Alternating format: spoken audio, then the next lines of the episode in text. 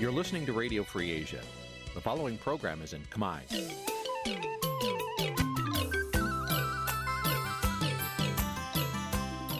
នេះជាកម្មវិធីផ្សាយ Vuthu Azizi Serai នេះជាកម្មវិធីផ្សាយរបស់ Vuthu Azizi Serai ជាភាសាខ្មែរ Vuthu Azizi Serai សូមស្វាគមន៍លោកអ្នកនាងទាំងអស់ពីរដ្ឋធានី Washington នៃសហរដ្ឋអាមេរិក ពីរដ្ឋធានី Washington នាងខ្ញុំសុជីវីសូមជម្រាបសួរលោកអ្នកនាងអ្នកស្ដាប់ Vuthu Azizi Serai ទាំងអស់ជាទីមេត្រីយើងខ្ញុំសូមជូនការផ្សាយសម្រាប់ព្រឹកថ្ងៃច័ន្ទ4រោចខែស្រាប ឆ្នាំថោះបញ្ញស័កពុរសករាជ2567ចាប់ដែលត្រូវនឹងថ្ងៃទី4ខែកញ្ញាគ្រិស្តសករាជ2023ជាដំបូងនេះសូមអញ្ជើញលោកអ្នកនាងស្ដាប់ព័ត៌មានប្រចាំថ្ងៃដែលមានមេត្តាដូចតទៅ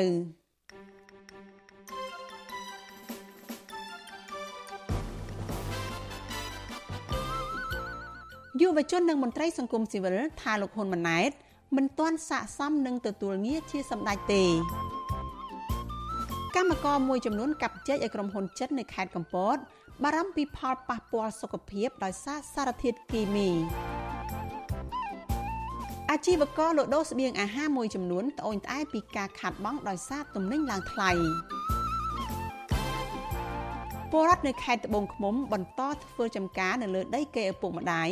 ដែលបាត់បង់ទៅប្រទេសវៀតណាមក្រោយពីបោះបង្គោលព្រំដែន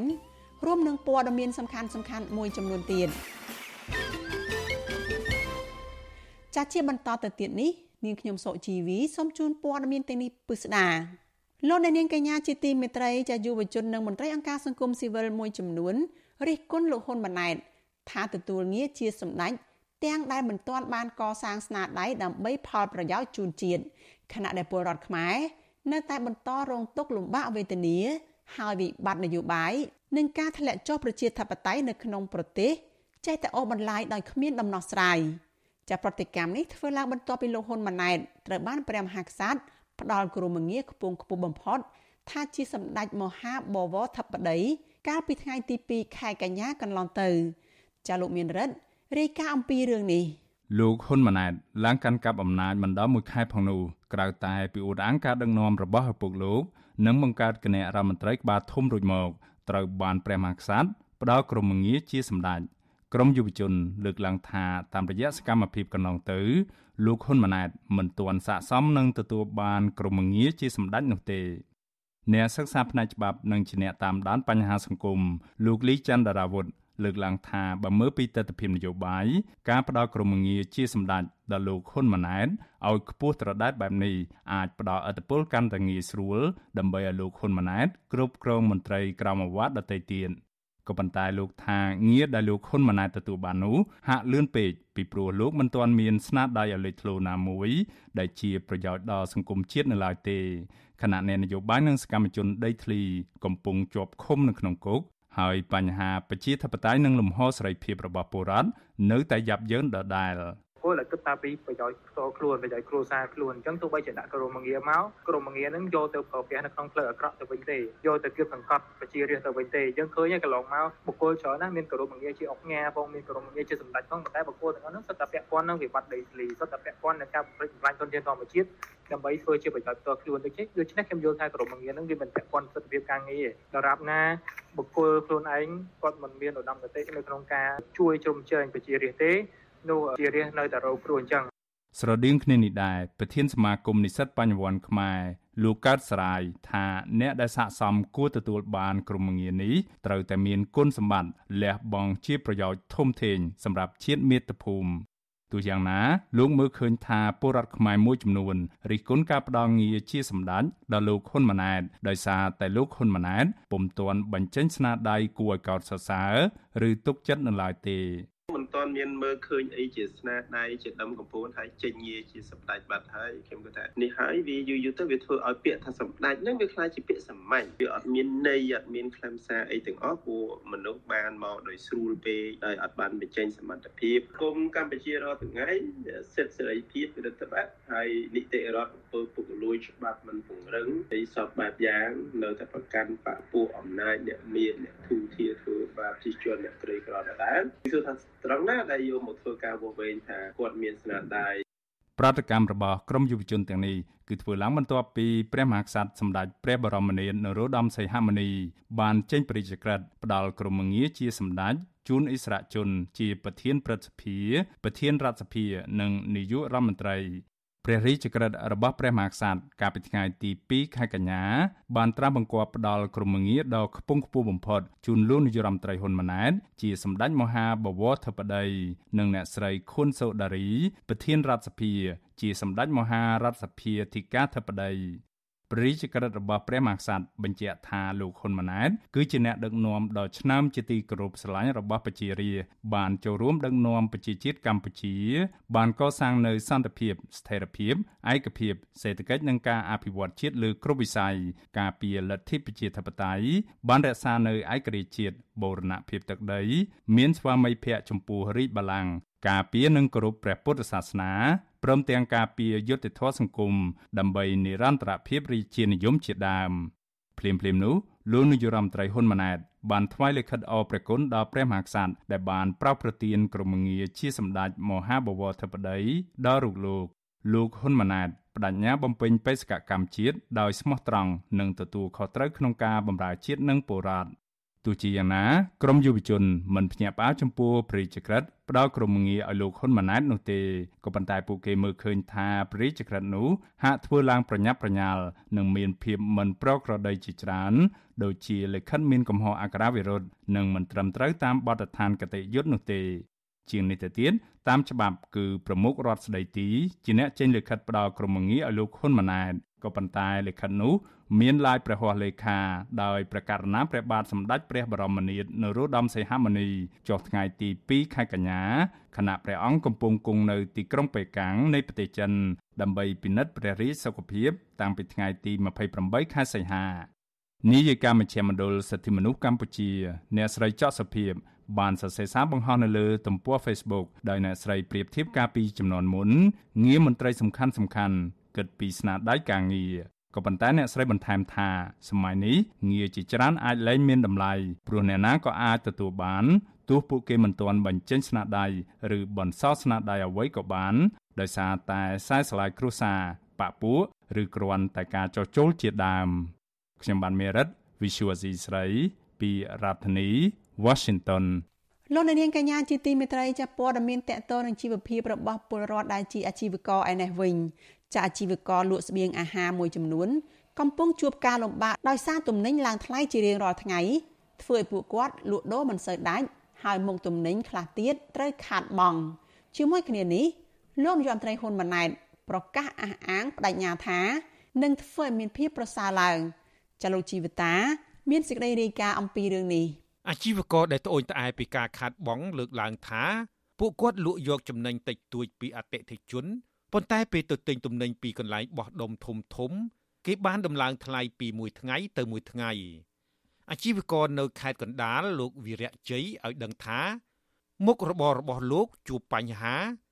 ពីព្រោះភេសជ្ជៈនិងម្ហូបអាហារផ្សេងទៀតដែលលោកលក់យកចំណេញតិចតួចប៉ុន្តែពេលទៅទិញចូល គឺទំនិញទាំងនោះតែងតែឡើងថ្លៃ មួយរយៈនឹងយ៉ាំលក់ដែរលក់អត់សូវដាច់ហើយវាថ្លៃរបស់យើងយកចូលថ្លៃអាពេលដែលយើងយកចូលមកធូរថ្លៃដល់ពេលលក់អាហ្នឹងចេញអស់ទៅ យើងត្រូវយករបស់ថ្មីចូលទៅយកអាថ្មីអាលុយដែលយើងលក់តម្លៃអាមុនហ្នឹងយើងទៅយកអាតំណែងថ្មីហ្នឹងយកអត់បានព្រោះតំណែងថ្មីហ្នឹងវាថ្លៃថ្លៃជាងអាអាយើងយកសាមុនណាវាឡើងអាជីវករនៅរាជធានីភ្នំពេញលោកលឹមប៊ុនគៀថ្លែងថា ទំនិញរំកិលឡើងថ្លៃគ្រប់មុខដោយខ្លះឡើងតិចខ្លះឡើងច្រើន លោកបន្តថាមុខទំនិញមួយចំនួន លោកឈប់លក់ដោយសារខាតបង់ហើយបច្ចុប្បន្នមានចំណូលទាបប៉ុន្តែចំណាយក្នុងគ្រួសារកើនឡើងវាឡើងថ្លៃនិយាយចាំទៅរឿងអីវ៉ាន់ហ្នឹងគឺឡើងថ្លៃហក់ឡើងបើនិយាយពីអង្គខ្ញុំទិញយកមកលក់មកបេតែ90000ជាងហើយឡើងមកបេជិត130,000ឡើងហក់ឡើងមកបេជាង20000 ចំណែកអាជីវករនៅខេត្តពោធិ៍សាត់លោកគ្រីគ្រឿនឲ្យដឹងដែរថាលោកផ្អាកលក់នឹងជួសជុលទូរស័ព្ទដោយសារមិនមានអតិថិជន ចំណែកស្បៀងអាហារដែលលោកនៅបន្តលក់គឺកំពុងឡើងថ្លៃឥតឈប់ឈរធ្វើឲ្យលោកខាតបង់ឬចំណេញតិចទៅតាមមុខទំនិញដែលមិនអាចមានលទ្ធភាពរកប្រាក់សងធនាគារមបោះឆ្នោតហើយសាំងក៏ឡើងថ្លៃ បាទអាចអង្គក៏ឡើងថ្លៃអារបស់បន្តិចបន្តួចចាប់ដើមលួចឡើងថ្លៃបន្តិចបន្តិចបន្តិចបន្តិចពីនោះគ្នាស្អីក៏ឡើងតិចតិចតិចតិចដែរយើងមើលអត់ឃើញជួនកាលយើងឡើងបន្តិចបន្តិច100 200 100 200អញ្ចឹងគ្រប់គ្នាអញ្ចឹងទៅមកកើមកកើនឹងហើយសូម្បីតែសាលារៀនតែត្រូវបង់ហ្នឹងក៏ឡើងដែរសាលារៀនឡើង20%ទៀតអាជីវករឲ្យដឹងទៀតថាមុខទំនិញរួមមានស្ករអំបិលទឹកត្រីប្រេងឆាមីពងទា និងអង្ករជាដើម ឡើងថ្លៃពីចន្លោះរាប់រយទៅរាប់ម៉ឺនរៀលក្នុងមួយមុខមួយមុខដោយឡែកស្ថានភាពនៅតាមផ្លូវទាំងក្នុងទីប្រជុំជននិងនៅតាមជនបទរួមទាំងកន្លែងលក់ដូរនៅតាមផ្សារក៏ស្ងាត់មនុស្សដែរអ្នកលក់ដូរភ ieck ច្រើន មានទឹកមុខក្រៀមក្រំរអ៊ូរទាំច្រើន និងបារម្ភពីបញ្ហាគ្មានប្រាក់សងធនាគារវិទ្យុអាស៊ីសេរីមិនអាចតាក់ទងរដ្ឋមន្ត្រីក្រសួងសេដ្ឋកិច្ចលោកអូនពុនមុនីរតនិ ងរដ្ឋមន្ត្រីក្រសួងពាណិជ្ជកម្មអ្នកស្រីចอมនិមលដើម្បីសាកសួរបានទេនៅថ្ងៃទី3កញ្ញាប៉ុន្តែនៅថ្ងៃទី1កញ្ញានាយករដ្ឋមន្ត្រីថ្មីលោកហ៊ុនម៉ាណែតបានថ្លែងប្រាប់កម្មករថាលោកបដិញ្ញាបង្កើតការងារនិងធ្វើឲ្យពលរដ្ឋមានជីវភាពល្អប្រសើរបើពលរដ្ឋនៅតែគ្រប់គ្រងគណៈបកប្រជាជនកម្ពុជាបងប្អូនជឿចុះដរាបណាបងប្អូននៅបន្តជឿទុកចិត្តជូនគណៈបព្វជិជនឲ្យ នៅដឹកនាំបម្រើប្រជាពលរដ្ឋគោលនយោបាយបម្រើប្រជាពលរដ្ឋបង្កើតការងារនិងបង្កើននៅគុណភាពជីវភាពរស់នៅរបស់ប្រជាពលរដ្ឋនឹងត្រូវបន្តជានិច្ចបាទទោះជាយ៉ាងណាលោកហ៊ុនម៉ាណែតមិនបានដាក់វិធានការច្បាស់លាស់ក្នុងការដោះស្រាយឲ្យចំគោលដៅដែលពលរដ្ឋកំពុងប្រឈមបាត់បង់ការងារនិងបាត់បង់ប្រាក់ចំណូលមិនមានលុយសងបំណុលនោះទេរីឯប្រធានមជ្ឈមណ្ឌលប្រជាពលរដ្ឋដើម្បីអភិវឌ្ឍនិងសន្តិភាពលោកយងកំឯង ក៏សម្គាល់ឃើញថា ប្រជាពលរដ្ឋដាក់ផ្ទះនិងដីលក់ច្រើន ដើម្បីសងបំណុលព្រោះប្រាក់ចំណូលធ្លាក់ចុះលោកជំរុញឲ្យរដ្ឋាភិបាលកែតម្រង់នយោបាយដើរតាមគន្លងប្រជាធិបតេយ្យដើម្បីទទួលបានការវិនិយោគពីប្រទេសលោកសេរីទើបធ្វើឲ្យសេដ្ឋកិច្ចជាតិនិងសេដ្ឋកិច្ចពលរដ្ឋបានល្អប្រសើរឡើងរបាយការណ៍ពីសមាគមមីក្រូហិរញ្ញវត្ថុកម្ពុជាបង្ហាញថាមុនពេលជំងឺរាតត្បាតកូវីដ ប្រជាពលរដ្ឋមានលទ្ធភាពសងបំណុលក្នុងរង្វង់1%អំឡុងពេលកូវីដប្រមាណ3%ប៉ុន្តែនៅក្នុងខែសីហាឆ្នាំ2023ពលរដ្ឋមិនមានលទ្ធភាពសងបំណុលមានរហូតដល់5%ខ្ញុំជីវិតាអាស៊ីសេរីលោកនាងកញ្ញាជាទីមេត្រីសេចក្តីរាយការណ៍ពីខេត្តបៃលិនឯណោះឲ្យដឹងថា ក្រមប្រឹក្សាឃុំគណៈបកភ្លើងទៀនមួយចំនួននៅក្នុងខេត្តបៃលិននេះលើកឡើងថាអាញាធិបបកកាន់អំណាចមិនបានបែងចែកតួនាទីឲ្យពួកគាត់និងអនុវត្តច្បាប់ដោយពុំមានប្រសិទ្ធភាពដែលធ្វើឲ្យខាត់បងផលប្រយោជន៍របស់ពលរដ្ឋជាម្ចាស់ឆ្នោតចាស់មន្ត្រីអង្គការសង្គមស៊ីវិលយល់ឃើញថាអាញាធរគួរតែបើកលំហសិទ្ធិសេរីភាពផ្នែកនយោបាយដែលមិនគួរប្រកាន់បពុះនៅក្នុងស្ថាប័នរដ្ឋឡើយពីព្រោះស្ថាប័នរដ្ឋគឺជាកន្លែងបម្រើផលប្រយោជន៍សាធារណៈ ក្រុមប្រឹក្សាឃុំសង្កាត់បាក់ភ្លើងទៀនមួយចំនួនសោកស្ដាយដែលអាជ្ញាធរខេត្តបៃលិន នៅតែមានការរើសអើងនយោបាយនិងការប្រកាន់បពុះចៅសង្កាត់រងទី2នៅសង្កាត់ស្ទឹងត្រង់ខេត្តបៃលិនលោកអុកសារីប្រាប់វិទ្យុអាស៊ីសេរីនៅថ្ងៃទី3ខែកញ្ញាថាលោកពុំទទួលបានការបែងចែកតួនាទីស្របតាមច្បាប់ ស្ដីពីការគ្រប់គ្រងរដ្ឋបាលឃុំសង្កាត់ឡើយផ្ទុយទៅវិញអញ្ញាធិបកកាន់អំណាចបែរជាឲ្យលោកទៅកាន់ផ្នែកអនាម័យសាធារណៈ ដែលធ្វើឲ្យលោកខកខានដោះស្រាយបញ្ហាទុកលំបាករបស់ពលរដ្ឋលោកបន្តថាអាញាធរនៅក្នុងខេត្តនេះតែងតែធ្វើទុកបុកម្នេញលើក្រុមប្រឹក្សាជាប់ឆ្នោតគណៈបកប្រឆាំងហើយហាមឃាត់ពលរដ្ឋនិងអាញាធរផ្សេងទៀតមិនឲ្យនិយាយជាមួយនឹងពួកលោកទៀតផង។ អូនិយាយពីបញ្ហាប្រឈមបើសិនណានិយាយមែនទេទៅគ្រប់សកម្មភាពរាល់និយាយទៅផ្លូវចិត្តពិបាកគ្រប់យ៉ាងទាំងអស់ហ្មងចឹងនិយាយថាសូម្បីតែប្រជាពលរដ្ឋនៅក្នុងមូលដ្ឋានហ្នឹងមិនបាច់ទៅនិយាយថាអ្នកអ្នកមានពីទីពីអីណាមកហ្នឹងអត់មាននិយាយទៅប្រជាពលរដ្ឋឡើយហ្នឹងមិនហ៊ាននិយាយមិនហ៊ានចូលផ្ទះទៀតហ្នឹងឡើយជួនកាលជួបនៅសាលាឃុំគាត់ទោះបីជាស្គាល់យ៉ាងណាធ្វើមិនស្គាល់ចឹងទៅពិបាកទៅសួរទៅនាំគាត់ហ្នឹងគាត់និយាយមួយម៉ាត់ពីរហ្នឹងក៏គាត់ដើរចេញចឹងពិបាកបាក់ជាងគេទៅផ្លូវចិត្តហ្នឹងហើយ ស្រដៀងគ្នានេះដែរអនុគណៈកម្មការប្រតិបត្តិនៃគណៈបកភ្លើងទៀនខេត្តបៃលិនលោកឡាវថនថ្លែងថាលោកខកចិត្តដែលមន្ត្រីក្រមប្រឹក្សាឃុំមានឈ្មោះនៅក្នុងបញ្ជីឈ្មោះជាប់ឆ្នោតបែរជាគ្មានសិទ្ធិសម្រេចនិងលើកជាមតិយោបល់នៅក្នុងកិច្ចប្រជុំនោះទេពីព្រោះអាជ្ញាធរបកកណ្ដាលអំណាចតែងតែច្រានចោលនិងមិនឲ្យតម្លៃលើការលើកឡើងរបស់សមាជិកបកភ្លើងទៀនលោកចាត់ទុកបញ្ហានេះថាជាការដែលមិនអនុវត្តច្បាប់ និងរំលោភសិទ្ធិពលរដ្ឋជាម្ចាស់ឆ្នោត នៅគ្រប់ឃុំសង្កាត់គឺរើសអើងហើយហ្នឹងហើយគឺរើសអើងបណ្ដោយយើងពួកយើងសមាសមាជិកជាប់ឆ្នោតទៅពីគណៈបព្វជិគឺបើនិយាយថាអេរិយាប័តនៅក្នុងសាលាឃុំណាយើងទៅអង្គុយតែយើងឆ្កុយអញ្ចឹងទៅមានការងារអីតែថាបើអត់មានទេអង្គុយនៅសាលាឃុំក្បាលលំងអញ្ចឹងអញ្ចឹងមិនដឹងថារកឲ្យទៅមុខមិនក្រៅពីរងការរើសអើងនយោបាយការបំផិតបំភ័យហើយនោះ នៅមានមន្ត្រីគណៈបកភ្លើងទៀនមួយចំនួនកំពុងរងការគំរាមចាប់ខ្លួន ការប្តឹងផ្តល់តាមផ្លូវតុលាការការគំរាមកំហែងដល់អាយុជីវិត ការវាយធ្វើបាបគប់ដុំថ្មចូលក្នុងផ្ទះនិងជិះម៉ូតូឬឡានដេញបុកពីជនមិនស្គាល់មុខក្រោយពួកគាត់បានបង្កើនសកម្មភាពនយោបាយជាមួយគណៈបកប្រឆាំងវិទ្យុអាស៊ីសេរីនៅមិនទាន់អាចតាក់ទងអភិបាលខេត្តបៃលិនអ្នកស្រីបានស្រីមុំដើម្បីសុំការបកស្រាយជុំវិញបញ្ហានេះបានទេ កាលពីថ្ងៃទី3ខែកញ្ញា ប៉ុន្តែអ្នកនាំពាក្យគណៈបកប្រជាជនកម្ពុជាលោកសុកអេសានច្រានចោលការលើកឡើងរបស់មន្ត្រីគណៈបកភ្លើងទៀននិងចាត់ទុកករណីនេះថាជារឿងមិនពិត។អត់ទេអានឹងសូមឲ្យគាត់មើលណាមើលច្បាប់នឹងច្បាប់នឹងទូនាទីគេមានកំណត់នៅក្នុងការបែងចែកភារកិច្ចឲ្យសមាជិកក្រុមប្រឹក្សានីមួយៗដើម្បីធ្វើការងារនឹងបើថាគេបែងចែកមិនត្រឹមត្រូវទេអានឹងឲ្យគាត់លើកនៅក្នុងអង្គប្រជុំដើម្បីធ្វើការតវ៉ាឲ្យ អនុវត្តឲ្យបានត្រឹមត្រូវទៅតាមច្បាប់ដែលបានកំណត់អានឹងមានប៉ុណ្ណឹងទេបាទជំវិញបញ្ហានេះនាយកទទួលបន្ទុកកិច្ចការទូតនៃអង្គការលីកាដូលោកអំសំអាតមានប្រសាសន៍ថាក្រុមប្រឹក្សាឃុំសង្កាត់កើតឡើងពីការបោះឆ្នោតរបស់ពលរដ្ឋដូច្នេះប្រសិនបើមានការប្រកាន់និន្នាការនយោបាយនៅក្នុងស្ថាប័នរដ្ឋនោះគឺជាការអនុវត្តផ្ទុយពីច្បាប់លោកបន្តថាការរើសអើងផ្នែកនយោបាយនេះជាគំរូមិនល្អទៅដល់យុវជនចំនួនក្រោយ និងជាអតិពលអាក្រក់ដល់ពលរដ្ឋ។ការបម្រើផលប្រយោជន៍សាធារណៈជាពិសេសនៅក្នុងថ្នាក់មូលដ្ឋានហ្នឹងគឺប្រកបដោយគណនេយ្យភាពអន័យថាការបម្រើសេវាជូនប្រជាពលរដ្ឋក្នុងនាមជាមន្ត្រីសាធារណៈឲ្យត្រូវតែគោរពទៅតាមគោលការណ៍នៃប្រព័ន្ធវិមជ្ឈការនិងប្រជាធិបតេយ្យថ្នាក់មូលដ្ឋានដោយមិនមានភាពរឹតអើងប្រកបដោយគណនេយ្យភាពប្រកបដោយតម្លាភាព កន្លងទៅអភិបាលខេត្តបៃលិនអ្នកស្រីបានស្រីមុំតែងតែរងការរិះគន់ថាមានការរើសអើងផ្នែកនយោបាយប្រកាន់បកពួកនិងពូកែខាងប្រើប្រាស់សម្ដីអសិលធម៌ប្រមាថមើងងាយដល់សកម្មជនគណៈបកភ្លើងទៀនជាងនេះទៅទៀតអ្នកស្រីក៏បានប្រៀបធៀបក្រុមមន្ត្រីបកភ្លើងទៀនថាជាក្រុមដង្កូវសង្គមនិងប្រមានកំចាត់ពួកគេចោលថែមទៀតផងមិនត្រឹមតែប៉ុណ្ណោះអ្នកស្រីបានប្រើអំណាចរបស់ខ្លួនបណ្ដេញមន្ត្រីរាជការចេញពីក្របខ័ណ្ឌ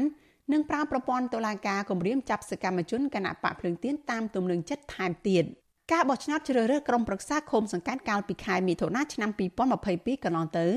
គណៈបកភ្លើងទៀននៅក្នុងខេត្តបៃលិនទទួលបាន5អាសនៈ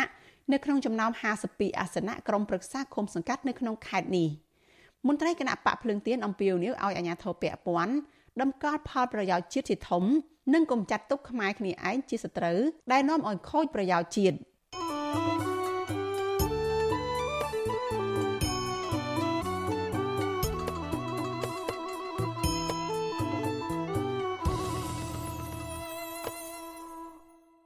លោកដានៀងកញ្ញាជាទីមេត្រីនៅឯខេត្តកំពតឯណោះវិញចកម្មករខ្មែរមួយចំនួនដែលកំពុងធ្វើការឲ្យក្រុមហ៊ុនចិនឈ្មោះ Lawmate Agriculture ដែលវិនិយោគផ្នែកដំណាំចេកនៅខេត្តកំពត កំពុងតែមានសុខភាពទ្រុឌទ្រោមដោយសារតែរងផលប៉ះពាល់ពីសារធាតុថ្នាំគីមីហើយមានកម្មករខ្លះទៀតត្អូញត្អែពីប្រាក់ឈ្នួលថោកខណៈពួកគាត់បញ្ចេញកម្លាំងពលកម្មច្រើនពលរដ្ឋនិងមន្ត្រីអង្គការសង្គមស៊ីវិលលើកឡើងថា មូលហេតុដែលពលរដ្ឋភៀសច្រើននៅក្នុងមូលដ្ឋានចេះតែទ្រាំធ្វើការនៅក្នុងក្រុមហ៊ុនចិននោះទាំងលំបាកក៏ដោយសារតែពលរដ្ឋគ្មានជំរឿនិងមិនចង់ទៅធ្វើការនៅក្រៅប្រទេសចោលក្រុមគ្រួសារចាលោកមានរិទ្ធមានសេចក្តីរាយការណ៍មួយទៀតអំពីរឿងនេះជូនលោកអ្នកនាងកម្មករខ្មែរដែលភ ieck ច្រើនជាបរិបបាញ់ថ្នាំសារធាតុគីមីទៅលើផ្លែចេកនៅក្នុងចំការរបស់ក្រុមហ៊ុនចិន Longmade Agriculture នៅខេត្តកំពត ពុំទទួលបានកិច្ចគាំពៀពីក្រុមហ៊ុនតាក់ទងទៅនឹងការថែទាំសុខភាពនោះទេហើយកម្មករមួយចំនួន មានអាការៈកោចជាប្រចាំខ្សោះអស់កម្លាំងស្ងួតបំពង់កនិងពិបាកដកដង្ហើម កម្មករម្នាក់ធ្វើការនៅក្រុមហ៊ុនចិន Longmate Agriculture លោកឆាយសេឡាប្រាប់វិសុវស៊ីស្រីនៅថ្ងៃទី3ខែកញ្ញាថាលោកនិងកម្មករផ្សេងទៀតនៅពេលយកថ្នាំសារធាតុគីមីបាញ់ថែទាំផ្លែចេកម្ដងម្ដងក្រុមហ៊ុនពុំបានផ្ដល់សម្ភារបំពាក់ការពារនិងសម្ភារៈផ្សេងទៀតដើម្បីការពារពីចំហាយសារធាតុគីមីនោះទេ លោកថានៅពេលកម្មករយកសារធាតុគីមីបាញ់ថែទាំផ្លែចេកទាំងនោះចំហាយគីមីហូរជ្រាបពេញខ្លួន ដែលធ្វើឲ្យលោកនិងកម្មករមួយចំនួនទៀតត្រូវធ្លាក់ខ្លួនឈឺក្អកស្ងួតបំពង់កនិងខ្សោះអស់កម្លាំងជាដើមលោកព្រួយបារម្ភថាទៅថ្ងៃខាងមុខលោកមិនដឹងថានឹងប្រឈមនឹងកើតជំងឺអ្វីទៀតនោះទេលោកបញ្ជាក់ថាដោយសារតែថ្លៃកម្លាំងពលកម្មថោកនិងមានជំងឺប្រចាំកាយផងនោះលោកត្រូវឆ្លៀតពេលទៅកាប់អស់នៅតាមចលងភ្នំដើម្បីយកទៅលក់ ដោះស្រាយបញ្ហាជីវភាពនិងសងបំណុលធនាគារជាពាក់អង្គការគេដល់ពេលអត់ជំរឹះហើយវាពិបាកដើរទៅធ្វើការនៅឆ្ងាយពីផ្ទះព្រមធ្វើអញ្ចឹងវាប្រឈមឆ្នាំពុលវាច្រើនវាទៀតពុលវាចូលទៅក្នុងខ្លួនយើងពេលណាដែលយើងនៅកម្លាំងវាមិនអាចធ្វើឲ្យយើងបានទេដល់ពេលហើយតែរាងកាយយើងរៀងស្រត់បន្តិចវានឹងកើតមានដល់ខ្លះនោះខ្ញុំពីក្បាលបាញ់ពីក្រោមដើមចេកហើយអាហារនិភ័យដែលវាគ្រោះថ្នាក់ហ្នឹងខ្ញុំវាអត់ទាន់ដឹងទៅថ្ងៃក្រោយវាវាមិនទេណា ចំណែកកម្មករម្នាក់ទៀតថ្លែងក្នុងលក្ខខណ្ឌសុំមិនបញ្ចេញឈ្មោះព្រោះបារម្ភពីសុវត្ថិភាពរៀបរាប់ថាការធ្វើការងារនៅក្នុងក្រុមហ៊ុនចិនមួយនេះមិនមានជីវភាពប្រសើរឡើយព្រោះពួកគាត់ធ្វើការឲ្យក្រុមហ៊ុន បានប្រាក់ឈ្នួល30000រៀលក្នុងមួយថ្ងៃខណៈអ្នកថែទាំកូនចេកវិញ បានប្រាក់ឈ្នួលតែ180ដុល្លារទេក្នុងមួយខែលោកស្រីថាតម្លៃប្រាក់ឈ្នួលនេះមិនស័ក្តិសមទៅនឹងកម្លាំងពលកម្មរបស់កម្មករឡើយ លោកស្រីឲ្យដឹងទៀតថាកម្មករភៀសច្រើនរួមទាំងលោកស្រីផងទ្រាំធ្វើការដោយមិនហ៊ានងើបតវ៉ាជាមួយថៅកែក្រុមហ៊ុននោះទេ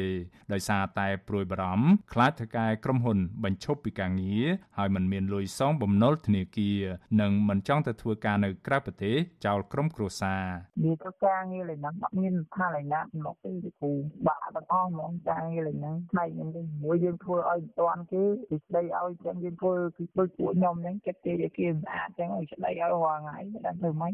ពលរដ្ឋឲ្យដឹងថានៅភូមិខ្ពបឃុំតាកែនស្រុកឈូកខេត្តកំពតមានពលរដ្ឋខ្មែរជាង300គ្រួសារកំពុងបម្រើការងារក្នុងក្រុមហ៊ុនចិន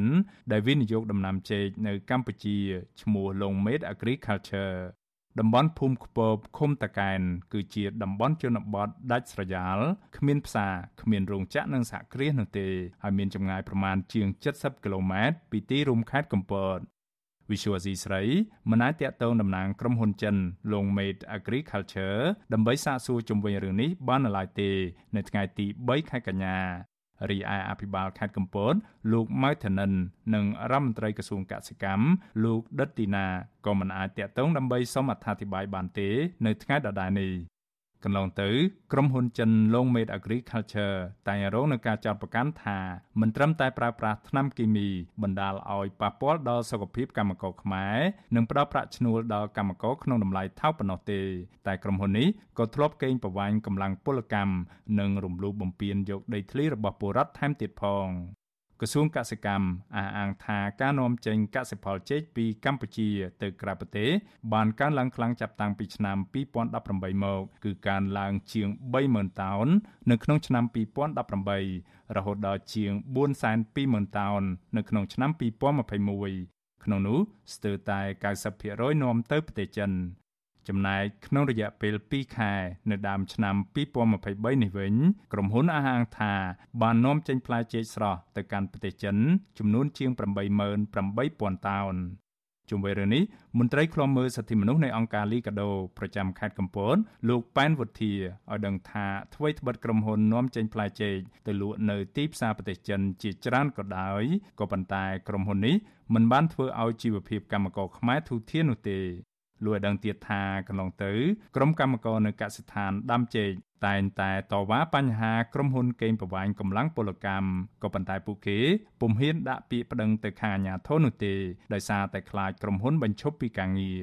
មន្ត្រីសង្គមសេវារុនេះចាត់ទុកការគម្រាមកំហែងរបស់ក្រុមហ៊ុនគឺជាការរំលោភសិទ្ធិការងារកម្មករនិងស្នើឲ្យអាជ្ញាធរ ចាត់វិធានការដោះស្រាយបញ្ហាជូនកម្មករដើម្បីលើកកម្ពស់ជីវភាពកសិករខ្មែរក្នុងករណីដែលកម្មករគ្រាន់តែការអនុវត្តសិទ្ធិទាមទារអត្ថប្រយោជន៍របស់គាត់ឲ្យស្របទៅលើគោលការណ៍លក្ខខណ្ឌការងាររបស់គាត់ប៉ុន្តែការអនុវត្តរបស់គាត់មិនត្រូវបានអនុវត្តដោយសារតែមានការគំរាមកំហែងផិតភ័យបែបហ្នឹងវាជារឿងមួយការរំពៀនធ្ងន់ធ្ងរសម្រាប់កម្មករហើយចំណុចទាំងអស់នេះកម្មករគួរតែក្លាហានក្នុងការស្នើសុំក៏ដូចជាជំរុញទៅឲ្យមន្ទីរមានសមត្ថកិច្ចដូចជាមន្ទីរការងារឬក្រសួងការងារធ្វើការចុះធ្វើការអនុការកិច្ចចំពោះការអនុវត្តរបស់ក្រុមហ៊ុនហ្នឹងតើវាមានភាពត្រឹមត្រូវស្របច្បាប់ដោយពីរបបសន្តិសុខសង្គមក្នុងការគាំពៀទៅលើកម្មករដែលធ្វើការងារនៅក្នុងក្រុមហ៊ុននោះក្រុមហ៊ុនចិន Longmate Agriculture កាលពីឆ្នាំ2018ទទួលបានសិទ្ធិវិនិយោគនៅលើផ្ទៃដីប្រមាណជាង1000ហិកតានៅទីតាំងភូមិដុំផ្ដៅឃុំតាពាំងភ្លៀងស្រុកឈូកខេត្តកំពតក្នុងគម្រោងវិនិយោគផ្នែកដំណាំចេកមានទឹកប្រាក់32លានដុល្លារ ប្រជាពលរដ្ឋនិងមន្ត្រីសង្គមស៊ីវិលទទូចដល់អាជ្ញាធរជួយជំរុញទៅក្រុមហ៊ុនឲ្យដំឡើងប្រាក់ឈ្នួលដល់កម្មករនិងផ្ដល់កិច្ចគាំពារនានាជូនដល់កម្មករដែលងាយរងនៅផលប៉ះពាល់ដល់សុខភាពដោយសារតែថ្នាំជាតិគីមី និងដើម្បីលើកកម្ពស់ជីវភាពកម្មករខ្មែរឲ្យពួកគេរស់នៅប្រកបដោយសេចក្តីថ្លៃថ្នូរខ្ញុំបានមេរិត Visual C ស្រីពីរដ្ឋធានី Washington លោកអ្នកនាងកញ្ញាប្រិយមិត្តជាទីមេត្រីចាប់ពលរដ្ឋជាច្រើនគ្រួសាររស់នៅក្នុងស្រុកមេមត់ខេត្តត្បូងឃ្មុំនៅតែអាស្រ័យផលនិងដាំដុះនៅលើដីចម្ការគេឪពុកម្ដាយរបស់ពួកគាត់ដែលបាត់បង់ទៅប្រទេសវៀតណាមក្រោយពីបានបោះបង្គោលព្រំដែនពួកគាត់អះអាងថាអាញាធរខ្មែរនិងវៀតណាមបានពន្លឿនបោះបង្គោលព្រំដែននៅតំបន់នោះដោយលាក់លៀមក្នុងពេលកម្ពុជាកំពុងជួបវិបត្តិរីករាលដាលនៃជំងឺ Covid-19 និងវិបត្តិនយោបាយ។ ចាលោកនាងនៅបានស្ដាប់សេចក្តីរាយការណ៍នេះពឹស្ដានៅក្នុងការផ្សាយរបស់យើងនៅពេលបន្តិចទៀតនេះលោកនាងកញ្ញាជាទីមេត្រីព័ត៌មានពីតាមព្រំដែនកម្ពុជាថៃឯណោះឲ្យដឹងថាមន្ត្រីអង្គការសង្គមស៊ីវិលកំពុងតែបារម្ភពីសវត្ថិភាពរបស់ពលករខ្មែរនៅពេលឆ្លងដែននិងស្នាក់នៅប្រទេសថៃដោយខុសច្បាប់ក្តីបារម្ភនេះកើតឡើងដោយសារតែពលករខ្មែរនៅតែបន្តឆ្លងដែនដោយខុសច្បាប់ទៅរកការងារធ្វើនៅប្រទេសថៃ ដែលប្រឈមមុខនឹងអាញាធរថៃចាប់ខ្លួន និងរងការផាកពិន័យជាដើមចលុកជីវតា មានសេចក្តីរាយការណ៍មួយទៀតអំពីរឿងនេះមន្ត្រីសង្គមស៊ីវិលលើកឡើងថា សមត្ថកិច្ចថៃតែងចុះត្រួតពិនិត្យទិដ្ឋាការឬវីសារបស់ពលរដ្ឋខ្មែរនៅកន្លែងការងារនិងនៅតាមទីប្រជុំជន ទន្ទឹមនឹងនេះអាញាធរថៃតែងតែផាកពិន័យពលករខ្មែរដែលមិនទាន់មានវីសាបើទោះជាពួកគាត់កំពុងតែស្នើសុំវីសាក៏ដោយ។ មន្ត្រីគម្រោងនៃមជ្ឈមណ្ឌលសម្ព័ន្ធភាពការងារនិងសិទ្ធិមនុស្សនៃអង្គការសង្ត្រាល់លោកលឹងសុផុន មានប្រសាសន៍ថាលោកតែងឃើញពលករខ្មែរលួចឆ្លងដែនដោយខុសច្បាប់តាមច្រកតូចតូចដើម្បីស្វែងរកការងារធ្វើនៅប្រទេសថៃ លោកបន្តថាការឆ្លងដែនបែបនេះប្រឈមនឹងអាញាធរថៃខាត់ខ្លួន ហើយបញ្ជូនពលករទាំងនោះមកកម្ពុជាវិញ។ សម្រាប់ពលករខ្មែរយើងដែលពួកគាត់មកឆ្លងដែនខុសច្បាប់នៅពេលដែលគាត់មកតាមផ្លូវទូទូចពួកផ្លូវរបៀងអីទូទូចអញ្ចឹងវាប្រឈមនឹងបញ្ហាបែបហ្នឹងដូចជាគេចាប់ដូចជាចាប់បញ្ជូនទៅវិញឬក៏កន្លែងខ្លះទៅទាហានវាត្រូវហាមឃាត់ឡានហើយឡានកាលណាទៅបើកមិនឈប់ទៅទាហានត្រូវបាញ់វាអាចថាបាញ់មកមកចំយើងទៅថាបានហើយលោកបារម្ភថាអញ្ញាធរថៃផាកពិន័យពលករខ្មែរពេលពួកគាត់បន្តសុពលភាពវីសាដែលបង្កការលំបាក ស្របពេលពួកគាត់មិនទាន់មានស្ថិរភាពការងារនិងប្រឈមចំណាត់ការតាមប្រព័ន្ធតុលាការថៃជាដើម។ក ន្លងមកហ្នឹងមានការស្នើសុំរបស់បងប្អូនពលករជាច្រើនតែពួកគាត់ហ្នឹងហាក់ដូចជាមិនទាន់មានចម្លើយមិនទាន់មានវិធានការណាមួយដើម្បីឲ្យបងប្អូនហ្នឹងបានយល់ដឹងឲ្យច្បាស់ឲ្យច្បាស់លាស់អញ្ចឹងណាបាទហើយខ្ញុំក៏សូមជឿនឿដល់ស្ថាប័នពាក់ព័ន្ធហ្នឹងគួរណាតែគិតគូរព្រោះនៅថៃយើងនឹងស្រាប់ហើយថាបងប្អូនប្រជាពលរដ្ឋខ្មែរយើងហ្នឹងច្រើនណាស់ជាង2លាននាក់ដែលពួកគាត់កំពុងតែស្វែងរកការងារធ្វើនិងធ្វើការនៅក្នុងប្រទេសថៃនាពេលបច្ចុប្បន្ននេះណាបាទ វិទ្យុអាស៊ីសេរីមិនទាន់អាចតាក់ទងរដ្ឋមន្ត្រីក្រសួងកាងារលោកហេងសួរដើម្បីសូមការឆ្លើយតបចំពោះបញ្ហានេះបានទេ នៅថ្ងៃទី3កញ្ញាចំណែកស្ថានទូតកម្ពុជាប្រចាំនៅប្រទេសថៃក៏មិនអាចតាក់ទងបានដែរនៅថ្ងៃដដែលនេះពលករខ្មែរធ្វើការនៅប្រទេសថៃលោកគួសារឿនថ្លែងថា ជារឿយរឿយពលករខ្មែរតែងតែត្រូវបានអាជ្ញាធរថៃផាកពិន័យដោយសារដាច់វីសា ឬកំពុងបន្តវីសា លោកស្នើដល់ក្រសួងកាងារឲ្យបញ្ចុះតម្លៃធ្វើលិខិតឆ្លងដែនដើម្បីឲ្យពលករមានលទ្ធភាពធ្វើឯកសារការងារដោយស្របច្បាប់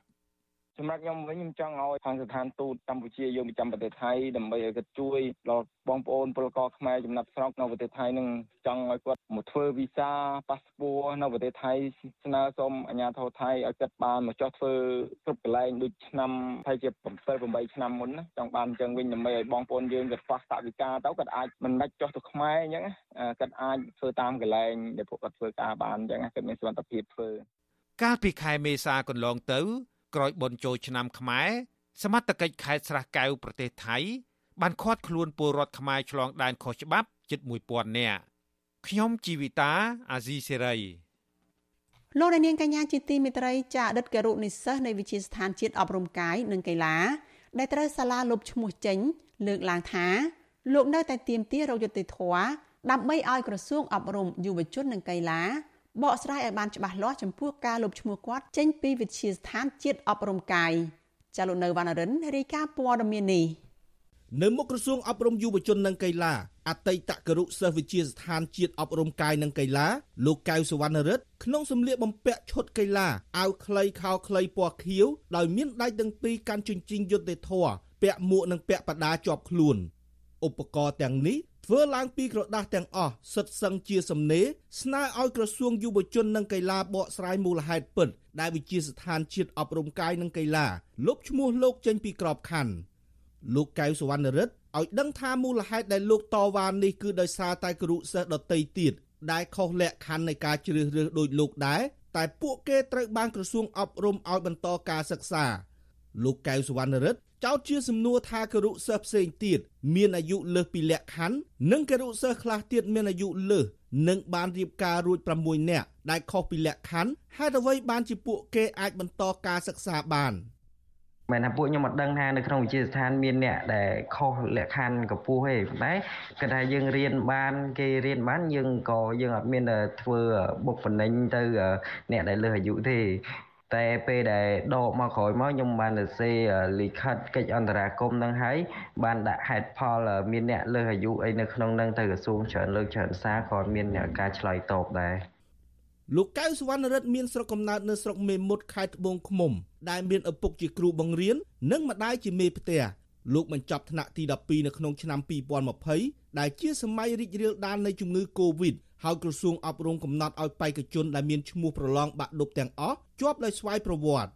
ដោយមាននិស័យជាអ្នកស្រឡាញ់ខាងកីឡាលោកកៅសវណ្ណរិទ្ធបានដាក់ពាក្យប្រឡងចូលរៀននៅវិទ្យាស្ថានជាតិអប់រំកាយនិងកីឡាគណៈមណ្ឌលរបស់ក្រសួងកាលនោះត្រូវតម្រូវឲ្យគរុសិស្សមានកម្ពស់យ៉ាងតិច1.65ម៉ែត្រ បើទោះជាវិជាស្ថានអប់រំកាយបានវាស់កម្ពស់ឃើញថាលោកកៅសវណ្ណរិទ្ធមានកម្ពស់ត្រឹមតែ1.62ម៉ែត្រក្តីក៏លោកត្រូវអនុញ្ញាតឲ្យចូលរៀននិងចូលរួមសម្ដែងការសម្ពោធកីឡាដ្ឋានមរតកដែលចូលថែមទៀតផង ទោះជាយ៉ាងនេះក្តីក្តីស្រមៃរបស់លោកកៅសវណ្ណរិទ្ធក្តីស្រមៃដែលចង់ក្លាយជាគ្រូកីឡានេះត្រូវបាត់បង់អស់ទៅវិញនៅក្រៅការចូលរៀនមួយខែបន្ទាប់ពីគ្រូគ្រប់គ្រងនៅវិទ្យាស្ថានជាតិអប់រំកាយនិងកីឡាសម្រាប់ចិត្តលុបឈ្មោះលោកនិងគរុសិស្ស11នាក់ផ្សេងទៀតកាលពីខែធ្នូឆ្នាំ2021ក្រោមហេតុផលថាពួកគាត់មានកម្ពស់មិនគ្រប់លក្ខខណ្ឌទេកៈ ទោះជាយ៉ាងនេះក្តីលោកកៅសវណ្ណរិទ្ធនៅតែមិនអាចទទួលយកការបកស្រាយពីមន្ត្រីក្រសួងអប់រំយុវជននិងកីឡានេះបានឡើយដោយសារតែខាងវិជាស្ថានជាតិអប់រំកាយនិងកីឡាបានវាស់កម្ពស់លោកហើយឃើញថាខ្វះជាក់ស្ដែងរួចហើយប៉ុន្តែនៅតែបន្តអនុញ្ញាតឲ្យពួកគាត់ចូលសិក្សានៅវិជាស្ថានទៀតបន្ទាប់ពីបាត់បង់ការសិក្សាទាំងខ្លួនគ្មានកំហុសនោះដោយខ្វះការទទួលខុសត្រូវពីអ្នកគ្រប់គ្រងធ្វើឲ្យលោកបាក់ទឹកចិត្តយ៉ាងខ្លាំង ថ្ងៃហ្នឹងគឺខ្ញុំយំក៏អត់ចេញអីក៏អត់ចេញពេលដែលខ្ញុំចេញពីវិទ្យាស្ថានភ្លាមខ្ញុំដើរលេងតាមមាត់ទន្លេខ្ញុំអត់មានអារម្មណ៍ថាទៅផ្ទះទៅអីទេហើយម៉ាក់ប៉ាខ្ញុំគាត់ទេមកខ្ញុំខ្ញុំក៏អត់លើកទូរស័ព្ទពួកគាត់ដែរហើយពួកគាត់ក៏មានក្តីបារម្ភខ្លាចខ្ញុំធ្វើអត្តឃាតណាមួយអញ្ចឹងទៅក្រោយពីរំសាយភាពមងសៅទៅតាមទឹកទន្លេហើយគរុសិស្សកៅសវណ្ណរិទ្ធរួមជាមួយគរុសិស្សដែលវិជាស្ថានជាតិអប់រំកាយលុបឈ្មោះចោលទាំង11នាក់ បានដាក់ញត្តិសូមកិច្ចអន្តរាគមន៍ពីក្រសួងអប់រំយុវជននិងកីឡាក៏ប៉ុន្តែពុំបានទទួលការឆ្លើយតបនោះឡើយលុះក្រោយមកក្រុមអតីតគរុសិស្សទាំង12នាក់នាំគ្នាធ្វើបាតុកម្មលើកបដាទៀមទីរកដំណោះស្រាយនៅមុខក្រសួងក៏ប៉ុន្តែកោតកម្មអហិង្សាលើកទី1នេះត្រូវទទួលរងការស្វាគមន៍ដោយការគំរាមកំហែងនិងការចាប់ខ្លួនពីអាជ្ញាធរដែលជាហេតុធ្វើឲ្យពួកគេនាំគ្នាបោះបង់ការតវ៉ានេះ កន្លងទៅអស់រយៈពេលជាងកន្លះឆ្នាំលោកកៅសវណ្ណរិទ្ធមិនបោះបង់ចោលហ្វឺតនិងក្រដាស់ឡើយហើយលោកនៅតែម្នាក់ឯងប៉ុណ្ណោះដែលបន្តទៀមទាយុទ្ធធននៅមុខក្រសួងអប់រំជារៀងរាល់ថ្ងៃច័ន្ទចាប់តាំងពីដើមខែសីហារហូតមកទោះជាយ៉ាងនេះក្តីការតវ៉ាលើកនេះមិនបានផ្ដល់យុត្តិធម៌សម្រាប់លោកនោះទេក៏ប៉ុន្តែលោកបែរជារងនៅភាពអយុត្តិធម៌ថែមទៀតដោយការប្រើអំពើហិង្សាពីសំណាក់អាជ្ញាធរការឈរតវ៉ាទាំង3លើកនេះ ពេលខ្លះលោកកៅសវណ្ណរិទ្ធរួមទាំងអ្នកជួយកាន់កាមេរ៉ាថតរូបឲ្យលោកផងនោះគឺបងប្រុសរបស់លោក លោកកៅសវណ្ណតារានិងមិត្តភ័ក្តិរបស់លោកម្នាក់ទៀតគឺលោកលៀបប្រាថ្នាត្រូវបានអាជ្ញាធរចាប់ញាត់ចូលទៅក្នុងរថយន្តស៊ីរ៉ែនរហូតរបូតអាវនិងស្បែកជើងនិងរឹតតែធ្ងន់ធ្ងរជាងនេះទៀតគឺពួកគេត្រូវបានសមត្ថកិច្ចទាត់ធាក់យកដៃលោកឆ្កឹះឆ្អឹងជំនីចំណែកឯមិត្តភ័ក្តិរបស់លោកត្រូវបានសមត្ថកិច្ចវាយមួយដៃចំលលាក្បាលខាងក្រោយបណ្ដាលឲ្យដួលសម្លាប់ភ្លាមភ្លាមៗ ទោះបីជារងទទួលការវាយដំនិងគំរាមកំហែងយ៉ាងណាក្តីក៏មិត្តភ័ក្តិរបស់លោកកៅសវណ្ណរិទ្ធគឺលោកលៀបប្រាថ្នាអះអាងថាលោកនឹងមិនបោះបង់ចោលមិត្តសម្លាញ់របស់ខ្លួនឡើយនិស្សិតច្បាប់រូបនេះលើកឡើងថាកត្តាដែលលោកជួយដល់លោកកៅសវណ្ណរិទ្ធក្នុងការតវ៉ានេះគឺមិនមែនដើម្បីយុត្តិធម៌សម្រាប់មិត្តភ័ក្តិរបស់លោកតែម្នាក់នោះទេក៏ប៉ុន្តែគឺដើម្បីយុត្តិធម៌នៅក្នុងសង្គមជាតិទាំងមូល។ នៅតែជួយឲ្យបងព្រួយធម្មតាមិត្តភ័ក្តិធ្លាប់អានគ្នាពីតូចដឹងចិត្តថ្លើមគ្នាជួយគ្នាពេលលបាក់ពិបាកអញ្ចឹងវាបង្ហាញពីទឹកចិត្តតែបងខ្ញុំចង់ឲ្យវាមានតម្លាភាពគ្នានិយាយរួមខ្ញុំចង់ទៀមទាយុទ្ធធរហ្នឹងមិនមែនត្រឹមថ្ងៃហ្នឹងថ្ងៃក្រោយខ្ញុំក៏ខ្ញុំចង់បានភាពយុទ្ធធរថ្ងៃក្រោយទៀតដែរ ចំណែកឯម្ដាយរបស់លោកកៅសវណ្ណរិទ្ធវិញគឺលោកស្រីធុចស្រីម៉ៅក្រោយពីទទួលដំណឹងថាអាញាធរប្រើប្រាស់ហិង្សាមកលើកូនរបស់ខ្លួនលោកស្រីក៏ប្រញាប់ធ្វើដំណើរពីខេត្តត្បូងឃ្មុំមកមើលកូនក្រោយពីមើលឃើញមានស្នាមជាប់នៅលើដងខ្លួនកូនលោកស្រីបានផ្ដល់កម្លាំងចិត្តឲ្យកូនតស៊ូជំនះឧបសគ្គដើម្បីរកយុត្តិធម៌ឲ្យខ្លួនឯងតទៅទៀត អាណិតកូនប៉ុន្តែខ្ញុំក៏សរសើរកូនថាកូនរឹងមាំដែរកូនហ៊ានតវ៉ាហ៊ានទៀមទាយុទ្ធធម៌ខ្ញុំក៏លើកចិត្តកូនដែរបើអាណិតភាពអាណិតជាម្ដាយនៅតែអាណិតកូនអញ្ចឹងឃើញគេធ្វើទង្វើអយុត្តិធម៌ចំពោះកូនអញ្ចឹង វិទ្យុអាស៊ីសេរីមិនអាចតាក់ទងแนะនាំពាក្យក្រសួងអប់រំយុវជននិងកីឡាលោករស់សុវិចានិងអធិការនគរបាលខណ្ឌដូនពេញលោកទៀងច័ន្ទសាដើម្បីសុំការបកស្រាយរឿងនេះបានទេនៅថ្ងៃទី3ខែកញ្ញាដោយទូរស័ព្ទហៅចូលជាច្រើនដង តែគ្មានអ្នកទទួល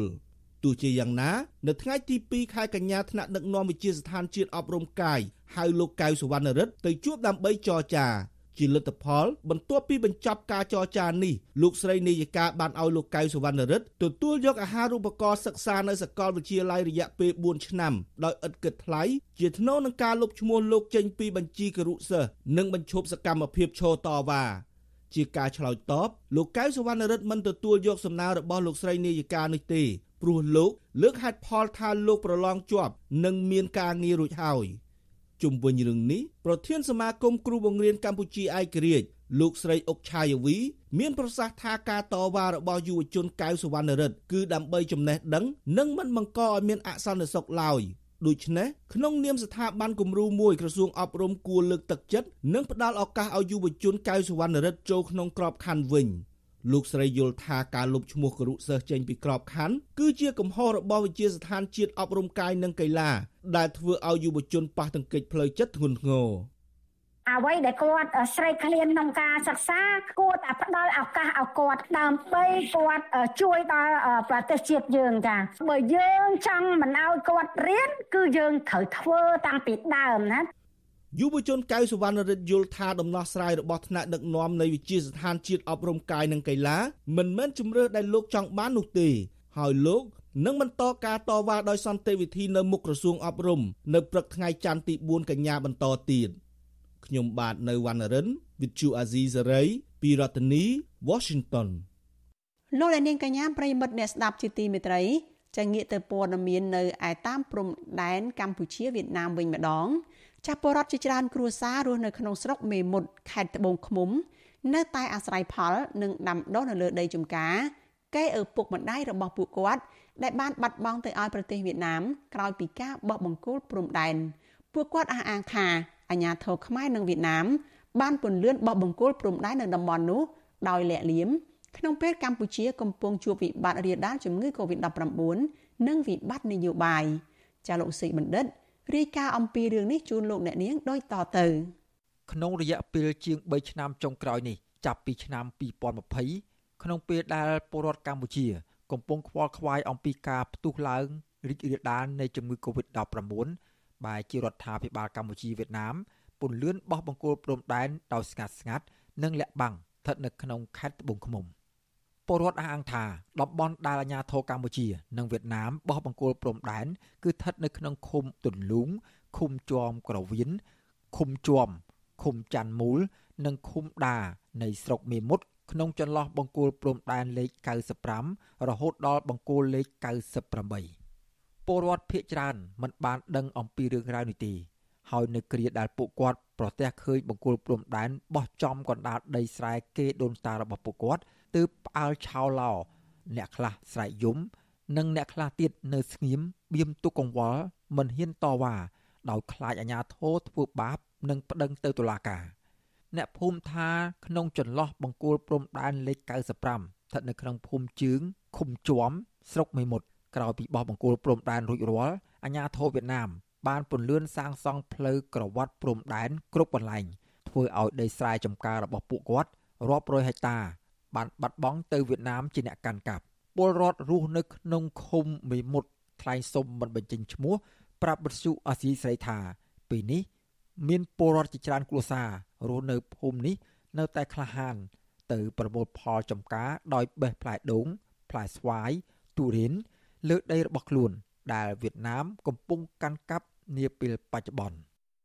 លោកបញ្ជាក់ថាពលរដ្ឋទាំងនោះមិនសុខចិត្ត ចំពោះការបោះបង្គោលព្រំដែនមិនត្រឹមត្រូវនិងលាក់បាំងបែបនេះឡើយក្រោយពីធ្វើផ្លូវកវ៉ាត់ហ្នឹងជាការស្វ័យពលរដ្ឋមួយចំនួនវានៅខាងត្បូងផ្លូវមាននៅខាងវៀតណាមណាប៉ុន្តែពលរដ្ឋខ្មែរយើងខ្ញុំសរសើរនៅភូមិជើងហ្នឹងគាត់អត់ព្រមគាត់នៅតែធ្វើរាល់ថ្ងៃហ្នឹងហើយខ្ញុំជឿខ្ញុំជឿថាទៅមុខនឹងមានបញ្ហាទៀតរវាងដីអស់ហ្នឹងភូមិអំផលនិងក្រអូបក្នុងឃុំច័ន្ទមូលដែលមានពលរដ្ឋខ្មែររាប់ពាន់គ្រួសាររស់នៅ តាំងពីបុរាណកាលមក បានបាត់បង់ទៅខាងប្រទេសវៀតណាមជាអ្នកកាន់កាប់ទាំងស្រុងហើយភូមិទាំងនេះ មានផ្ទះខ្មែរបុរាណនិងលំនៅឋានចាស់ចាស់របស់ដូនតាខ្មែររាប់រយខ្នងហើយអាជ្ញាធរវៀតណាម បានបិទសិទ្ធិពួកគាត់មិនឲ្យរៀនអក្សរខ្មែរបន្ទាប់ពីរដ្ឋាភិបាលកម្ពុជា បានចុះហត្ថលេខាប្រើប្រាស់សន្ធិសញ្ញាកំណត់ព្រំដែនរដ្ឋឆ្នាំ1985ពលរដ្ឋខ្មែរនៅក្នុងភូមិទាំងនេះ នៅតែលួចបញ្ជូនកូនឲ្យមករៀនភាសាខ្មែរនៅក្នុងទឹកដីខ្មែរនៅគៀកតំបន់ព្រំដែនខេត្តត្បូងឃ្មុំភូមិទាំងនេះបើទោះបីជាវៀតណាមកាន់កាប់ក្តីក៏ពួកគាត់អាចឆ្លងដែនមកទឹកដីខ្មែរបានធម្មតាក៏ប៉ុន្តែក្រោយពីបោះបង្គោលព្រំដែនរួចរាល់និងសង់ផ្លូវក្រវ៉ាត់ព្រំដែនហើយនោះអាជ្ញាធរវៀតណាមមិនអនុញ្ញាតឲ្យពួកគាត់ចេញចូលមកស្រុកខ្មែរដោយសេរីដូចមុនទៀតឡើយ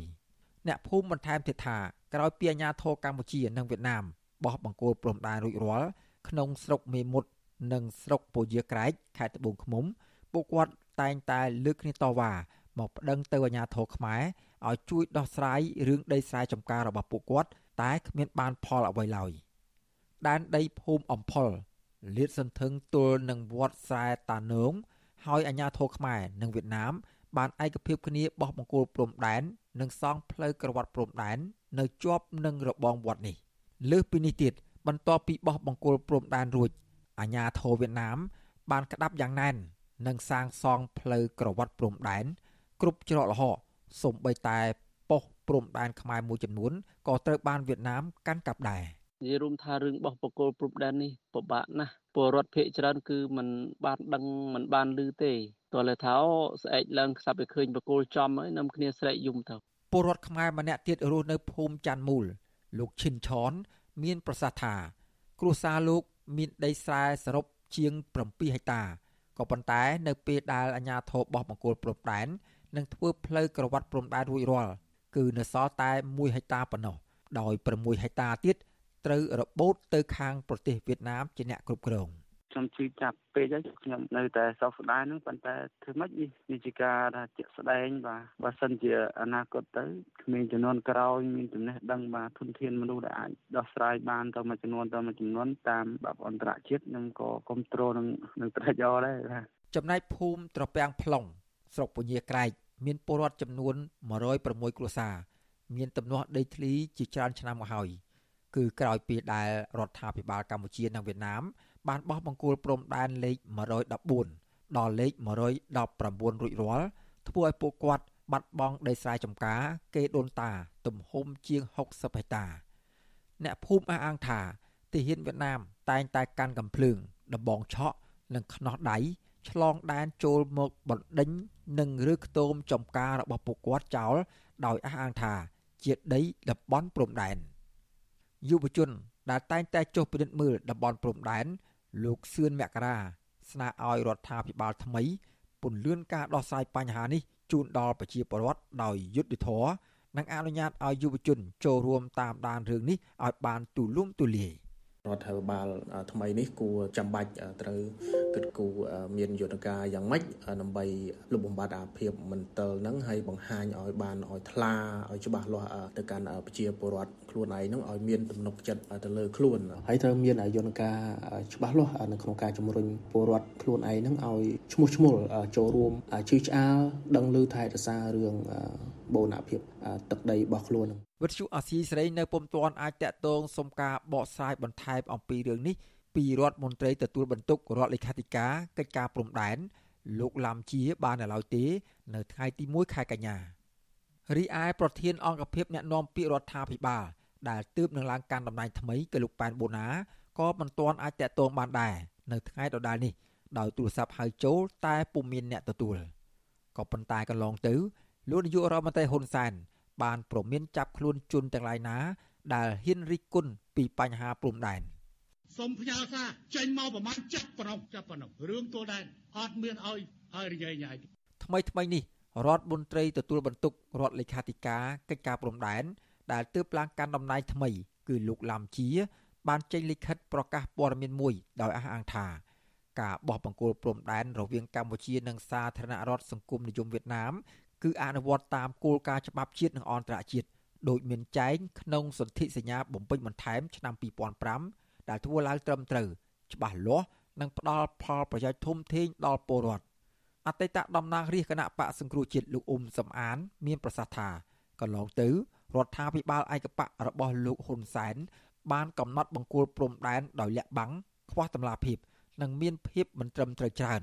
ធ្វើឲ្យបាត់បង់ដីខ្មែរតាមតំបន់ព្រំដែនកម្ពុជានិងវៀតណាមជាប្រសិនមិនហ៊ានចេញពីផ្ទះហ្នឹងកូវីដ19ហ្នឹងដូច្នេះជាឱកាសរដ្ឋាភិបាលលោកហ៊ុនសែនហ្នឹងបោះបកគោលដោយស្ងាត់ស្ងាត់លួចលាក់របៀបរបៀបចោលចោលលួចនេះកាលពីឆ្នាំ2020គណៈកម្មាធិការចម្រុះកិច្ចការព្រំដែននៃទីស្តីការគណៈរដ្ឋមន្ត្រីកម្ពុជា និងវៀតណាម បានចុះហត្ថលេខាប្រើប្រាស់ផែនទីថ្មីຂະຫນາດ1លើ25000យកពីប្រទេសវៀតណាមនិងបោះពុំដោយក្រុមហ៊ុនឯកជនមួយ នៅប្រទេសដាណឺម៉ាករដ្ឋាភិបាលចាត់ទុកការប្រើផែនទីថ្មីនេះថាជាការទទួលស្គាល់លទ្ធផលបោះបង្គោលព្រំដែនកម្ពុជានិងវៀតណាមដែលបោះរួចចំនួន84%ចំណែកគណៈបកប្រឆាំងនិងមន្ត្រីអង្គការសង្គមស៊ីវិលចោទថាការចុះហត្ថលេខាទទួលយកផែនទីនេះ ជាការទទួលស្គាល់នៅការឈ្លានពានរបស់វៀតណាមខណៈដែលកម្ពុជា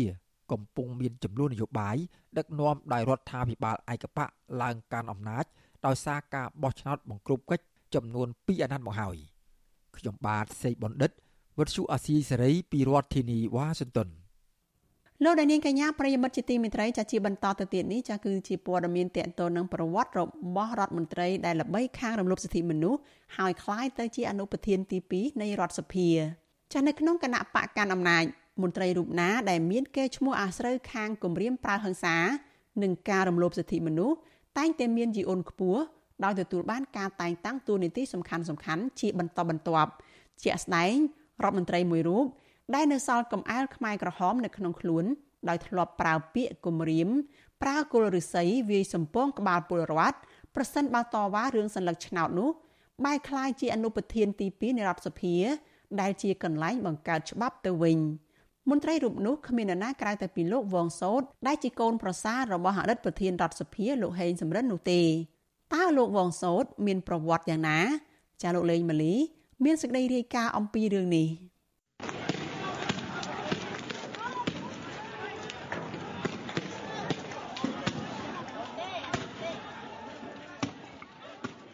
បោះឆ្នោតលើកនេះបើមានបញ្ហាតវ៉ាទៀតត្រូវក្បាលពលអតិច្បាស់ចឹងដល់អត់មានឲ្យបើកសិទ្ធិឯងតវ៉ាទេតវ៉ាតបានតកាត់ផ្លូវច្បាប់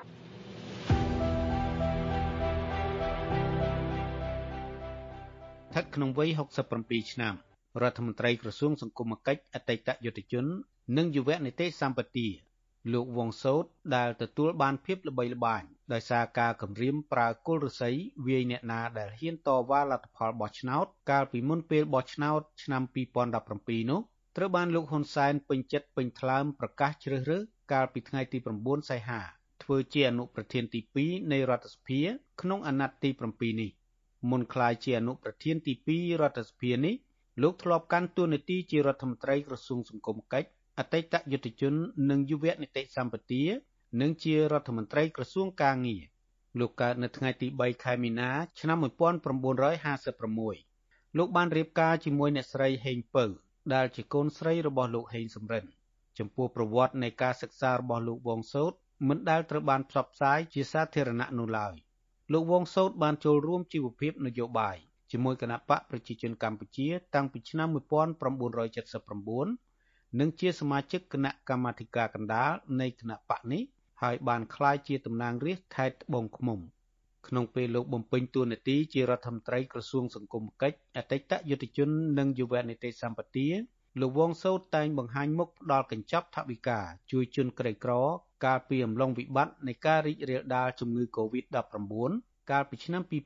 2020និង2021 គ្រាន់តែបើកលុយឥឡូវនេះមួយថ្ងៃមួយថ្ងៃបើកលុយរាប់លានដុល្លារបើគិតថាលុយខ្មែរហ្នឹងវាពិបាកវាច្រើនណាស់រាប់ពាន់លានអញ្ចឹងហើយខ្ញុំគិតថាបើដូចមុននេះបើសិនណាជាយើងដឹកលុយយើងគ្រាន់តែរាប់លុយឲ្យគាត់ក៏វេទនាដែរអញ្ចឹងហើយឥឡូវមួយថ្ងៃមួយថ្ងៃយើងប្រើប្រាស់ដោយប្រសិទ្ធភាពដោយសារយើងមានប្រព័ន្ធបាទអញ្ចឹងប្រព័ន្ធនេះទាំងក្រសួងផែនការទាំងក្រសួងសង្គមកិច្ចក៏ដូចជាក្រសួងពាក់ព័ន្ធបើមានបញ្ហាអីយើងឆ្លើយគ្នាតាមប្រព័ន្ធហ្នឹងហ្មង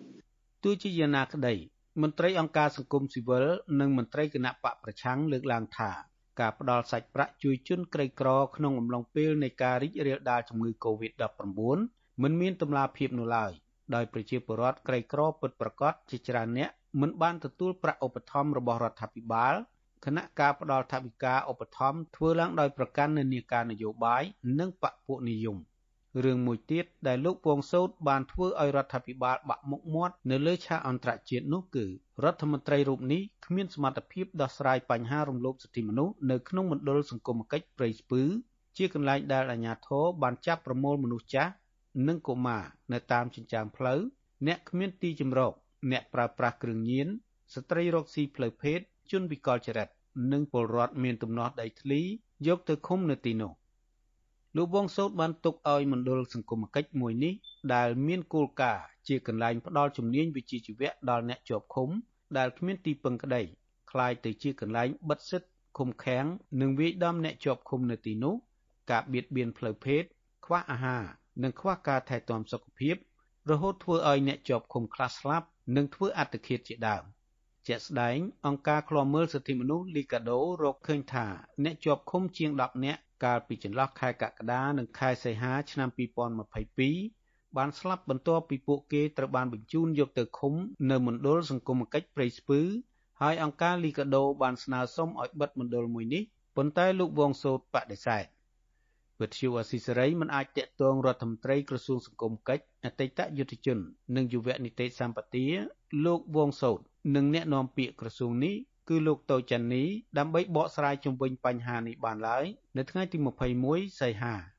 ជុំវិញរឿងនេះនាយកទទួលបន្ទុកកិច្ចការទូតនៃអង្គការឃ្លាំមើលសិទ្ធិមនុស្សលីកាដូលោកអំសំអាតលើកឡើងថាកន្លងមកអង្គការឃ្លាំមើលសិទ្ធិមនុស្សលីកាដូនិងអង្គការអន្តរជាតិមួយចំនួន បានដាក់ពាក្យសុំអន្តរាគមន៍ពីលោកវងសោតដែរជុំវិញការស្នើសុំឲ្យបិទមណ្ឌលសង្គមកិច្ចព្រៃស្ពឺប៉ុន្តែលោកវងសោតមិនដែលឆ្លើយតបនោះឡើយ លោកបន្ថែមថាបើទោះបីជាលោកវងសូតធ្លាប់បានលើកឡើងកាលពីដើមឆ្នាំ2023នេះថាក្រសួងសង្គមកិច្ចនិងបិទមណ្ឌលសង្គមកិច្ចព្រៃស្ពឺក្រោយពីបញ្ជូនមនុស្សអស់ចេញពីមណ្ឌលនេះក្តីក៏រហូតមកដល់ពេលនេះមណ្ឌលសង្គមកិច្ចព្រៃស្ពឺមិនទាន់បិទទាំងស្រុងនៅឡើយទេ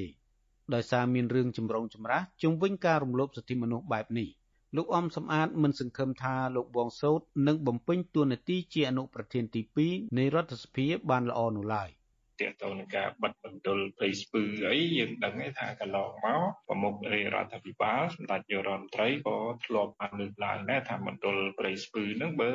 កែប្រែមិនបានទេបិទក៏បិទទៅណាណាកុំឲ្យមាន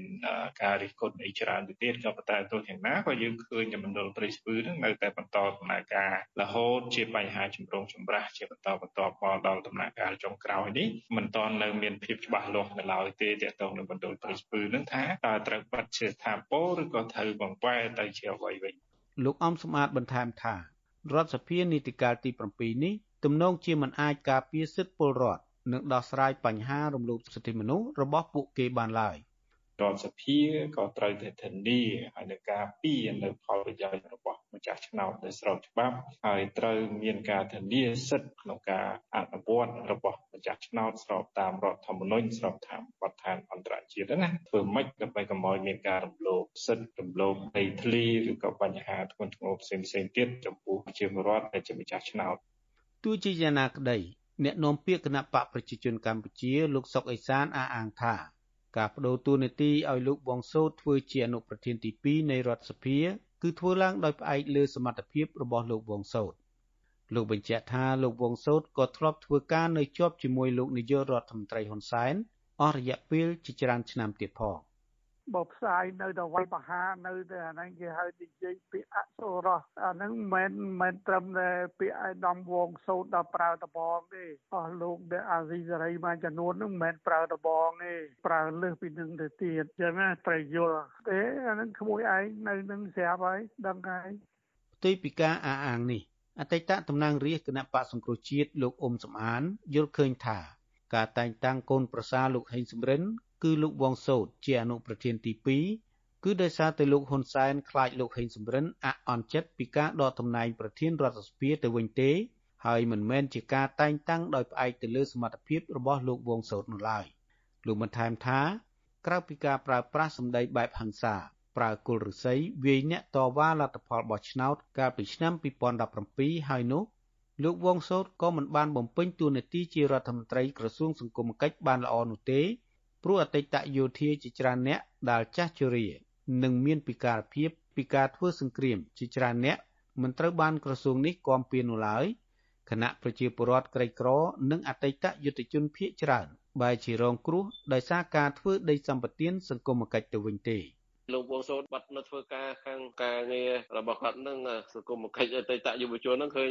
បានជួយទៅដល់អតីតយុវជនសង្គមកិច្ចនឹងគឺមិនបានជួយទៅគាត់ដល់បានធ្វើម៉េចឲ្យអាចរស់បានផងអ្នកខ្លះគាត់ទៅហ៊ានដាច់ដៃទៅដាច់ជើងទៅដើរទៅសុំទានគេតែស្រុកគេទៅហ៊ានអញ្ចឹងកាលណាអតីតយុវជនពិការអញ្ចឹងគឺចិញ្ចឹមអស់មួយយុទ្ធមិនបាច់ធ្វើការទេស្រុកនេះគាត់មិនបានយកចិត្តទុកដាក់ហ្នឹងយកចិត្តទុកដាក់ទៅលើតែគូអ្នកធំគូអ្នកធំបានតំណែងសិទ្ធិកាយ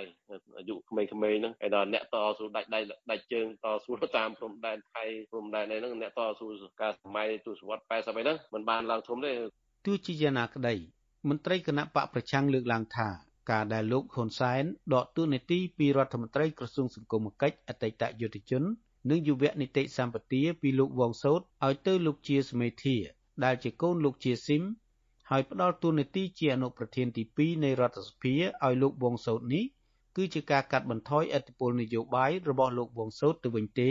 ព្រោះតំណែងអនុប្រធានទី2នៃរដ្ឋសភាមិនមានសិទ្ធិអំណាចអ្វីឡើយទោះជាយ៉ាងណាក៏ដោយចុះក្រៅតែជាថ្នាក់ដឹកនាំមួយរូបនៃរដ្ឋសភាលោកវងសោតក៏ជាតំណាងរាស្ត្រឲ្យប្រជាជាតិខ្មែរទាំងមូលដែលមានភារកិច្ចធ្វើច្បាប់ឲ្យស្របតាមរដ្ឋធម្មនុញ្ញតាមដានត្រួតពិនិត្យការអនុវត្តច្បាប់របស់រដ្ឋាភិបាល និងក៏ហៅមន្ត្រីរដ្ឋាភិបាលរួមទាំងនាយករដ្ឋមន្ត្រីផងមកឆ្លើយបំភ្លឺបញ្ហាប្រទេសជាតិជូនប្រជាពលរដ្ឋខ្មែរជ្រាបគេនៅរងចាំមើលថាតើលោកវងសូនអាចបំបែកភារកិច្ចនិងកាតព្វកិច្ចរបស់ខ្លួនបានត្រឹមត្រូវដែរឬទេខ្ញុំបាទលេងម៉ាលីវិទ្យុអេស៊ីសេរី Washington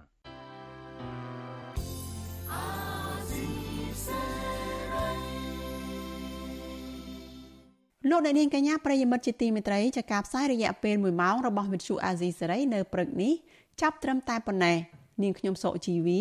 ព្រមទាំងក្រុមការងារទាំងអស់នៃវិទ្យុអាស៊ីសេរីចាសសូមជូនពរដល់លោកអ្នកនាងកញ្ញាចាសសូមជួបប្រកបតែនឹងសេចក្តីសុខនិងសុខភាពល្អកុំបីឃ្លៀងឃ្លាតឡើយចាសនាងខ្ញុំសូមអរគុណនិងសូមជម្រាបលា